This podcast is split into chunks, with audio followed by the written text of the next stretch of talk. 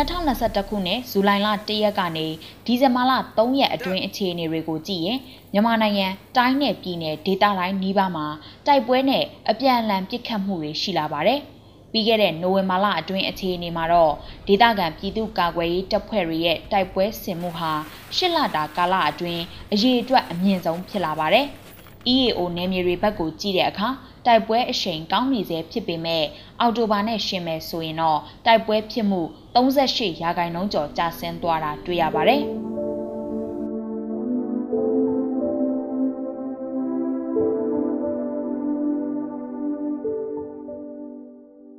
2021ခုနှစ်စစ်အာဏာသိမ်းပြီးနောက်ပိုင်းဒီဇင်ဘာလ3ရက်အထိတိုက်ပွဲနဲ့အပြန်အလှန်ပစ်ခတ်မှု 1948ကြိမ်ထက်မနည်းဖြစ်ခဲ့ပါတယ်။အဲ့ဒီထဲမှာ1000နီးပါးခန့်ဟာပြီးခဲ့တဲ့3လအတွင်းဖြစ်ခဲ့တာပါ။ဒီတိုက်ပွဲတွေကြောင့်အရက်သားသေဆုံးမှုက286ဦးထက်မနည်းရှိခဲ့ပါတယ်။တိုက်ပွဲနဲ့အပြန်အလှန်ပစ်ခတ်မှုတွေဟာစက်တင်ဘာလမှာအများဆုံးဖြစ်ခဲ့ပြီးတစ်လအတွင်း344ကြိမ်ထက်မနည်းဖြစ်ခဲ့ပါတယ်။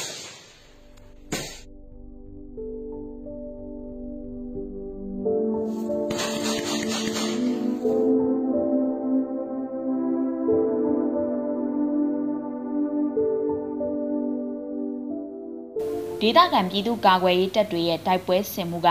နိုဝင်ဘာလမှာအမြင့်ဆုံးဖြစ်ခဲ့ပါတယ်။နိုဝင်ဘာလတလထဲမှာ116ကြိမ်ထက်မနည်းဖြစ်ခဲ့ပြီးရှစ်လတာကာလအတွင်းအကြိမ်ရေအများဆုံးဖြစ်လာတာပါ။ရှစ်လအတွင်းစစ်ကောင်စီနဲ့ဒေသခံပြည်သူကာကွယ်ရေးတပ်တွေအကြားတိုက်ပွဲဖြစ်ပွားမှုစုစုပေါင်း356ကြိမ်ထက်မနည်းရှိခဲ့ပါတယ်။ဒီတိုက်ပွဲတွေက64ရာခိုင်နှုန်းကျော်ဟာအမျိုးသားညီညွတ်ရေးအစိုးရ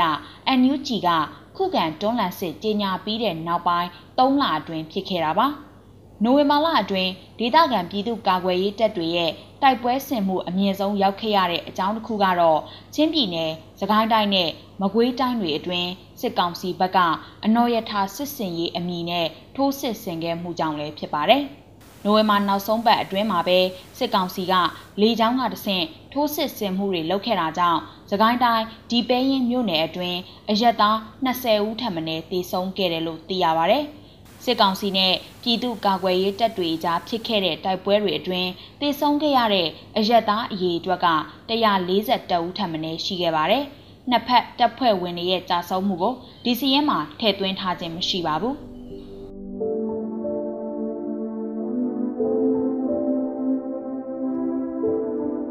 ပြီးခဲ့တဲ့အောက်တိုဘာနဲ့နှိုင်းယှဉ်ရင်တော့ EAO နယ်မြေတွေအတွင်းတိုက်ပွဲဖြစ်မှုဟာနိုဝင်ဘာလမှာ38ရာခိုင်နှုန်းကျဆင်းခဲ့ပါတယ်။နိုဝင်ဘာလအတွင်း EAO နယ်မြေတွေအတွင်းတိုက်ပွဲ118ကြိမ်ထက်မနည်းဖြစ်ခဲ့ပြီးအဲ့ဒီထဲက83ရာခိုင်နှုန်းဟာ KNU တပ်မဟာ9နယ်မြေအတွင်းဖြစ်ခဲ့တာပါ။ စစ်အာဏာသိမ်းပြီးနောက်ပိုင်းဒီဇင်ဘာလ3ရက်အထိကချင်ပြည်နယ်၊ကရင်ပြည်နယ်၊ရှမ်းပြည်နယ်မြောက်ပိုင်းနဲ့တောင်ပိုင်းအစရှိတဲ့ဒေသတွေက EAO နယ်မြေတွေမှာတိုက်ပွဲဖြစ်မှု1638ကြိမ်ထက်မနည်းဖြစ်ခဲ့ပါတယ်။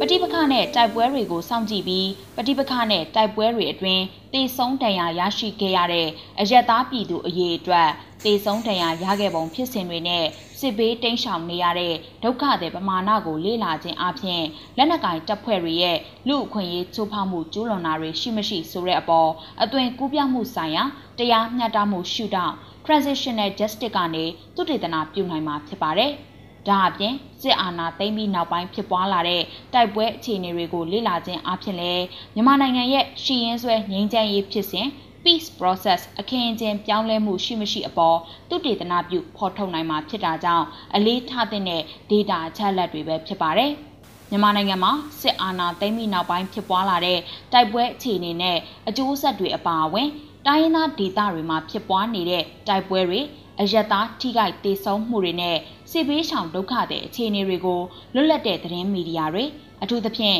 တိုင်းရင်းသားသတင်းဌာနတွေရဲ့မြေပြင်အခြေအနေဖော်ပြချက်တွေအပြင်မြန်မာနိုင်ငံဆိုင်ရာကုလသမဂ္ဂလူသားချင်းစာနာမှုဆိုင်ရာညှိနှိုင်းရေးရုံး UNOCHA မြန်မာလိုကုလသမဂ္ဂဆိုင်ရာအဖွဲ့အစည်းတွေတခြားလွတ်လပ်တဲ့ပြည်တွင်းပြည်ပအဖွဲ့အစည်းတွေရဲ့မှတ်တမ်းအစီရင်ခံစာစတာတွေနဲ့လည်းတွဲဖက်လေ့လာနိုင်ပါတယ်ရှင်။